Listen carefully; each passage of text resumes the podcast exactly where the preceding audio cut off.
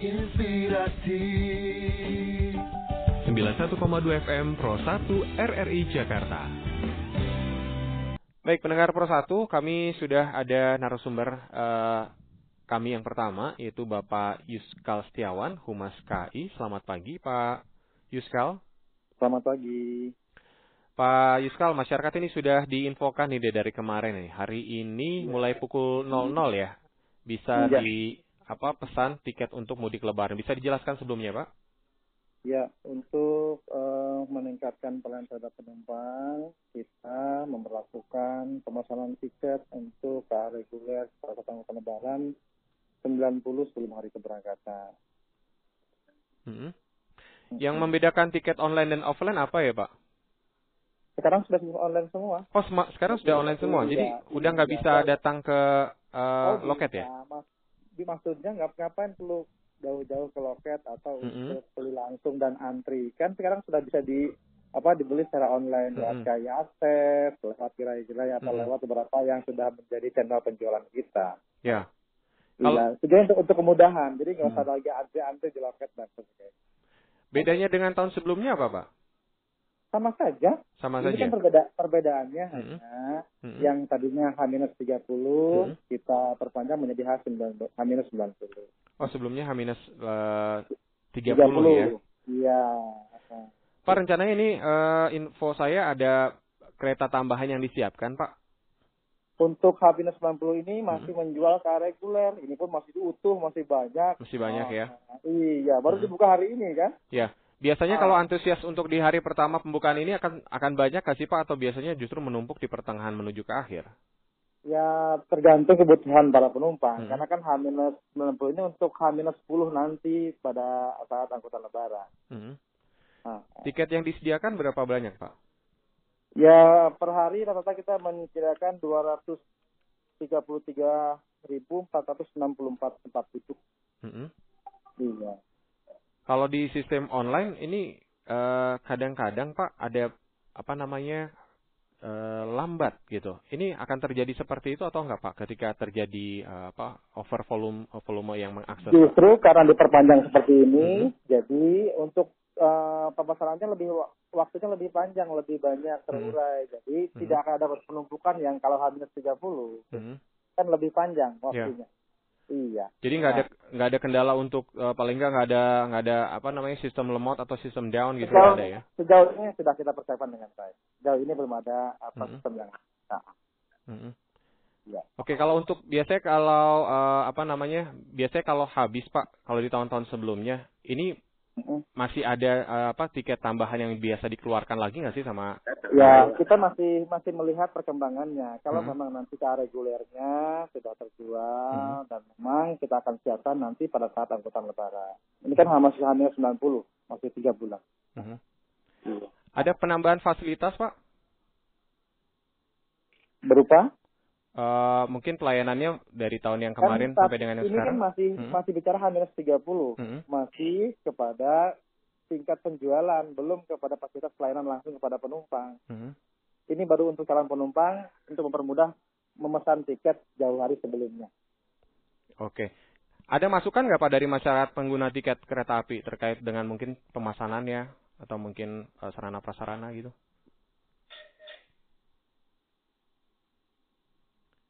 Halo Pak Yuskal. Pak Yuskal. Pak Yuskal. Baik, sepertinya ada gangguan di eh, line kami, pendengar Pro 1. Kami masih menantikan untuk bicara dengan eh, Bapak Yuskal Setiawan, Humas KI.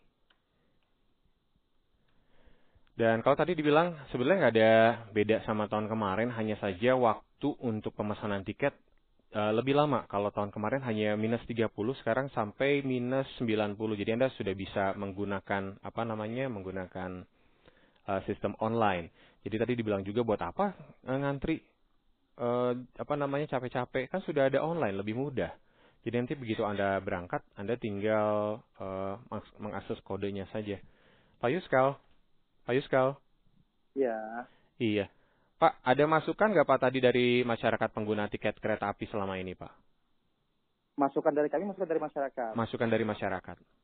Dengan tentu kan pemesanan H90 ini juga mengakomodir Mhm. ke kepentingan calon penumpang untuk lebih mudah mempersiapkan Mhm.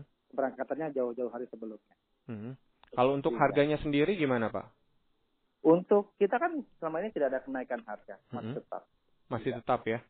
Iya. Dan, dan masyarakat masih aman-aman aja ya untuk harga eh, seperti itu ya? Aman, masih aman, masih dengan harga yang memang sudah ditetapkan sebelum. Oke.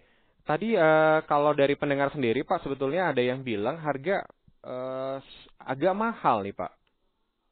Untuk beberapa kelas eh, yang komersial memang ada penentuan tarif batas atas, Mhm. tarif batas bawah. Untuk yang pada saat oke. iya, kalau untuk ekonomi kan flat sama saja. Oke, untuk ekonomi ya Iya. flat ya. Iya. Oke, Eh, ada saran an- apa Pak nih untuk para pendengar yang mungkin akan melakukan apa namanya mudik menggunakan kereta api? Iya, eh, dengan tentu dengan perubahan sistem ke H-90 ini Mhm. para penumpang lebih bisa mempersiapkan waktu keberangkatan. Dengan tentu sebelum melakukan pemesanan cek kembali tanggal keberangkatannya dan apa eh, kereta yang akan dinaiki termasuk tujuan sehingga pada saat pemesanan tidak terjadi kesalahan. Demikian. Ya, al- alamat situsnya Pak penjualan resmi silakan boleh disampaikan. K- KAI akses tinggal mendapat KAI akses. KAI akses aja ya. Iya, iya. ah, ah. Oke. Terima kasih eh, terima kasih Pak Yuskal. Ya, sama-sama. Selamat pagi. Selamat pagi. Ya pendengar demikian informasi dari Bapak Yuskal Setiawan, Humas KAI. Kanal Inspirasi 91,2 FM Pro 1 RRI Jakarta. Ini tentang ketertiban umum. Jadi pertimbangan lainnya, karena makin banyak orang atau kelompok yang menggunakan ondel-ondel seperti yang tadi saya bilang. Baik, berikutnya pendengar Pro 1, kami sudah tersambung dengan narasumber kami berikutnya dengan bidang advokasi dan kemasyarakatan Masyarakat Transportasi Indonesia Pusat ada Bapak Joko Setiowarno. Selamat pagi Pak Joko. Selamat pagi. Iya. Pak Joko, selain angkutan Ya. mudik lebaran Hmm, dengan kendaraan pribadi atau bus, ini kan ternyata moda transportasi kereta masih jadi favorit ya Pak ya. Catatan dari Bapak mengenai hal ini apa Pak? Ya, hmm, kereta api ini memang se- sebelum pelayanannya bagus, apalagi setelah sesudah ini, peminatnya makin banyak, ya, apalagi pada saat mudik. Nah, memang pada saat mudik itu ada seperti biasanya ada dua jenis kereta, kereta ekonomi sama kereta eh yang eksekutif. Kalau ekonomi jelas itu dapat subsidi, sehingga itu yang dibuka mulai sekarang 90 hari sebelumnya untuk orang memesan. Kemudian eksekutif itu berlaku biasanya nanti tarif berlaku tarif batas atas batas bawah, sehingga yang kalau mendekati lebaran agak lebih mahal lah, mungkin bisa Mhm. setara pesawat ya. Ya dengan pelayanan kereta yang bagus, ya Pak, eh, sekarang jaringan-jaringan kereta juga sudah dapat trek di utara, sebagian selatan sudah dapat trek. Ini orang menjadi apa? Kalau kereta itu dapat dikatakan bisa tepi tepat waktu. Meskipun jalan darat juga sudah ada jalan tol, tapi kalau pas mudik lewat jalan darat juga agak lebih macet. Meskipun sebelum ada jalan tol juga dibandingkan tol lebih lancar sekarang. Ya. Jadi pilihan pada moda kereta untuk di Jawa masih lebih tinggi peminatnya. Mhm. Kalau untuk apa namanya perbedaan dari yang dulu sampai dengan sekarang pastinya sudah lebih baik lagi Pak eh, Pak Joko ya untuk Ya, pelayanannya dari, hmm, dari segi pelayanannya. Tapi eh, masih aja ada masyarakat yang bilang harga mahal atau mungkin ada fasilitas yang masih belum terpenuhi kayak tadi eh, pendengar kami bilang ada apa namanya musola yang ternyata harusnya ada di sekitar area tapi kok malah nggak ada. Akhirnya dia ketinggalan kereta. Ini gimana Pak? Oh, kalau musola itu sudah wajib itu setiap stasiun mesti Hmm. ada. Jadi tidak boleh tidak stasiun tidak punya musola itu nggak boleh. Itu Hmm. sudah wajib kalau dalam SPM-nya ada. Ya mungkin aja penggunanya tidak tahu posisinya ya, Mhm. tetap ada. Tapi kalau ketinggalan kereta berarti kan dia turun aja sholat di kereta juga nggak apa-apa kan dalam perjalanan. Gitu. Mhm. Jadi maksudnya tetap ada sekarang aja kalau dilihat KL aja lah itu eh, luasan untuk fasilitas musolanya bertambah. Ya, meskipun dulu pada ketika membangun, umpamanya stasiun kereta Manggarai Kota, dulu kan konsepnya nggak ada musola. Tapi sekarang dijadikan tempat untuk musola itu ada, karena kita tahu kalau komuter umpamanya, ini juga dia menunggu cukup lama untuk kereta-kereta sehingga dia bisa sholat dulu beribadah ya. Sama halnya juga kereta jarak jauh, maunya di Gambir. Itu sekarang tempat sholatnya juga uh, disediakan juga ada di lantai satu, lantai dua gitu. Ada semuanya sudah Hmm. disediakan lah. Karena memang itu satu kebutuhannya dan wajib menurut SPM-nya. Tuh. Kalau sejauh ini aduan dari masyarakat mengenai perkereta apian lebih ke apa sih Pak? Kalau saya lihat, kalau pelayanan maka dapat dikatakan tenang. Cuman eh, pengaduannya kenapa keretanya sudah habis ya tiketnya. Begitu. Iya. Nah ini yang yang terutama kelas ekonomi karena itu kan dapat subsidi ya, dapat subsidi dan juga memang keterbatasan sarana sebenarnya.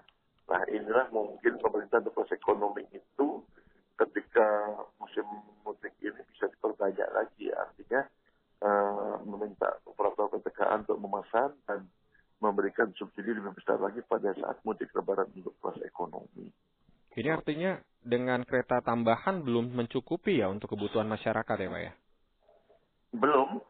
Coba aja dilihat terutama sebenarnya mencoba cuman kan rata-rata orang pulangnya pengen mendekati hari H ya. Iya. Nah itu yang jadi masalahnya ketika H numpuk banyak. Mhm. Nah penyediaan sarana ini ya memang kalau sarannya begitu banyak eh, pada saat tidak kondisi apa mudik ya memang jarang digunakan. Tapi demi pelayanan publik saya pikir pemerintah juga tidak ada salahnya menyediakan itu pada saat kondisi lebaran. Apalagi kok pada mudik lebaran itu angkutan barang dapat dikatakan hmm, beberapa hari ha- ha- itu tidak dijalankan kecuali untuk mengangkut namanya sepeda motor gitu ya karena ada, ada program mudik gratis juga kan Iya. jadi eh, mudik gratis itu ada di kereta api, dan kereta ekonominya itu juga bisa diperbanyak sebenarnya. Cuman kalau dulu pernah menggunakan kereta lebaran itu menggunakan kereta barang. Mhm. Kok dulu boleh, tapi sekarang nggak boleh karena nggak manusiawi kan masa kereta barang diisi orang. Kalau dulu orang mudik itu bisa berdiri, kalau sekarang nggak boleh, jadi harus duduk semua. Dan kereta ekonomi pun sudah ber AC semua sekarang. Iya. Tuh. Masih ada pengaduan calo nggak sih Pak? kalau calon dapat dikatakan sekarang kan pembelian sudah tiket elektronik. Ya. Ya, jadi agak sulit sekarang kalau tuh. Dulu masih elektronik, lama-lama juga masih ada percaloan juga, artinya eh, ada sabotase lah gitu ya. Tapi kalau sekarang nampaknya agak sulit ya. Sama halnya kalau kita beli tiket pesawat terbang itu.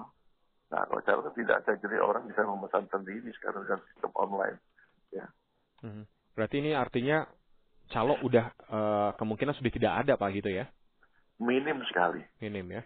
sangat minim sekali lah sampai dikatakan sudah hilang. Cuma itu tadi kalau dulu orang antri Mhm. beli tiket itu sambil berdiri kan di Ya. lokal Ya. sekarang sambil antri melihat online-nya itu kalau nggak masuk-masuk ini ya Iya. antrinya begitu Mhm. banyak itu kan yang masuk jadi sistem antrinya sudah berbeda dulu berdiri sekarang cukup duduk aja tapi tetap aja antri gitu Ya.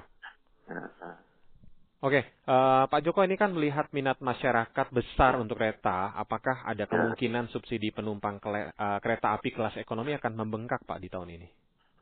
Ya, begini, saya pikir kalau seperti itu pemerintah sebenarnya bisa mengalihkan subsidi itu, jadi katakanlah diambil apa kereta komuter namanya. Di Jakarta ini kereta komuter itu kan dapat dikatakan uh, peminatnya banyak subsidinya cukup besar loh. Mhm. Dari nggak salah sekitar dua setengah apa ya satu triliun itu 1,6 itu untuk kereta komuter kayak Jabodetabek. Nah ini mungkin kayak Jabodetabek ini pada saat hari akhir pekan, hari libur mungkin tidak usah subsidi aja. Oh, Nah oke. itu dialihkan karena kan tujuan komuter kan orang yang rutin bepergian setiap hari kan. Ya. Kalau hari libur, akhir pekan itu kan dia sudah nggak rutin lagi. Lebih banyak apa untuk kegiatan sosial. Ya, memang dulu kalau akhir pekan saya perhatikan itu kereta-kereta KRL itu tidak banyak jumlahnya. Namun setelah pelayan, pelayanannya bagus, justru di akhir pekan libur itu banyak penumpangnya, yaitu kegiatan sosial. orang Bogor ke Jakarta wisata, orang Jakarta ke Bogor mau Hmm. berwisata, jadi cukup tinggi. Nah, oleh sebab itu karena kerja sosial senang-senang, ya saya pikir itu sudah mulai dicabut subsidinya hari Minggu lah dulu ya, Mhm. kemudian hari Sabtu umpamanya gitu untuk akhir pekannya, karena tiga tahun yang lalu sudah dilakukan apa survei bahwa pada hari Sabtu itu orang yang kerja rutin komuter itu hanya lima persen, selebihnya 95 persen itu mereka eh, kegiatan sosial macam-macam lah kegiatan. Kemudian hari Minggu hanya tiga persen. Jadi sebenarnya ketika itu dicabut nggak masalah sebenarnya. Dulu pernah diusulkan itu, saya kira sekarang bisa mengusulkan sehingga apa itu dialihkan untuk kereta ekonomi jarak jauh. Gitu. Hmm. Tapi ini memungkinkan Pak ya untuk subsidi silang seperti itu ya? Terutama Boleh, untuk itu jalan dari bisa ya? pemerintah. Boleh, Hmm. bisa saja. Subsidi, tentang sah saja kan. Hmm. Itu diberikan ke situ. Ya. Apakah itu artinya subsidi akan dialihkan ke KRL berarti Pak kalau memang akan dihapus subsidi kelas ekonomi? Gitu Pak. Eh, enggak, jadi yang dari KRL itu yang dialihkan ke ekonomi. Oh iya, maksudnya gitu ya? Ya, ya, karena KRL kan Sabtu, coba aja naik KRL Iya, jadi Sabtu dan Minggu kan rame kan, Ya, ya. Itu banyak kegiatan sosial itu kan. Hmm. Nah itu subsidi, karena tujuannya subsidi itu untuk aktivitas rutin kalau perkotaan. Rutin ya pada saat jam kerja Hmm. di luar itu bisa dicabut. Ya lumayan besar nanti untuk kereta ekonomi jarak jauh kan. Nah, itu yang bisa diberikan dialihkan terutama saya pikir diberikan pada saat lebaran jadi diperbanyak untuk lebaran itu ya musim mudik lebaran itu subsidi kereta ekonomi atau mudik gratisnya Mhm. gitu. Ada catatan lain Pak selain eh, subsidi silang? ya yang jelas itu pengawal kan kalau peng- pengoperasian kereta api mesti ada SPM ya Hmm. Nah, SPM-nya itu tentunya ini tugas pemerintah. Sudah melakukan SPM tentunya harus mengawasi kinerja operatornya. Ini tugas pemerintah sejauh mana umpamanya biasa ketersediaan air umpamanya. Jangan sampai nanti eh, pada saat keberangkatan umpamanya dari Jakarta, wah airnya cukup bagus tapi sudah menuju stasiun akhir airnya berkurang sehingga orang yang ke toilet itu Mhm. merasa terganggu. Nah, ini yang harus benar-benar diawasi oleh ini tugas pemerintah sebenarnya Ya. operator meskipun kita tahu sudah bagus itu pun harus diawasi tetap namanya pelayanan kan tidak tanpa batas ya artinya ses- SPM SPM yang ada tuh benar-benar pemerintah mengawasi jangan sampai telecor ini yang yang sebenarnya kalau saya lihat tugas dari pemerintahnya harus lebih ketat lagi sehingga layanan masyarakat sesuai SPM itu bisa terpenuhi. Mhm. Tuh. Oke, Pak Joko, ini kan sekarang kalau pemesanan bisa dari H-90, di mana kalau tahun Iya. lalu kan hanya minus 30. Ini artinya Iya. paling nggak bisa menekan server down gitu nggak Pak, atau kendala-kendala lainnya yang dialami di tahun lalu? Ya salah satunya itu tujuannya. Mhm. Nah, yang sering itu kan kita saya bilang tadi kalau dulu antrinya berdiri sudah Mhm. antrinya sampai dulu tapi kok nggak masuk masuk sudah eh, apa eh, klik banyak orang ini karena begitu banyak yang membutuhkan itu. Mhm. Oh itu memang saya pernah lihat sendiri itu dalam satu malam sudah habis tiketnya mendekati hari H itu cepat sekali Mhm. karena peminatnya banyak. Nah makanya dari sisi lain mengatur pola perjalanan mudik. Jadi mungkin untuk anak sekolah, kemudian untuk ke swasta, untuk negeri itu harus diatur jangan sampai bersamaan. Ya. Itu salah satu caranya biar terjadi pemerataan orang untuk mudik. Kita tidak bisa tidak ini memang ciri khas Indonesia kalau mudik ya. Mhm. Ya sudahlah, ini tugas tugas pemerintah juga, Mhm. gitu ya. Bagaimana mengatur perjalanan untuk mudik. Itu juga, juga nanti berpengaruh pada pola perjalanan di semuanya lah. Bantu di darat, di udara, di, laut juga bisa terjadi seperti itu. Terutama ini kereta api ini. Ya karena mau pindah peminatnya cukup banyak. Mhm. Sehingga pemerataan itu bisa terjadi. Mhm. Berarti ini langkah yang baik yang ditempuh oleh KAI ya Pak ya? Untuk minus 90 ini ya? Iya, ini untuk pelayanan tadi ya. Baik. Berikan pelayanan.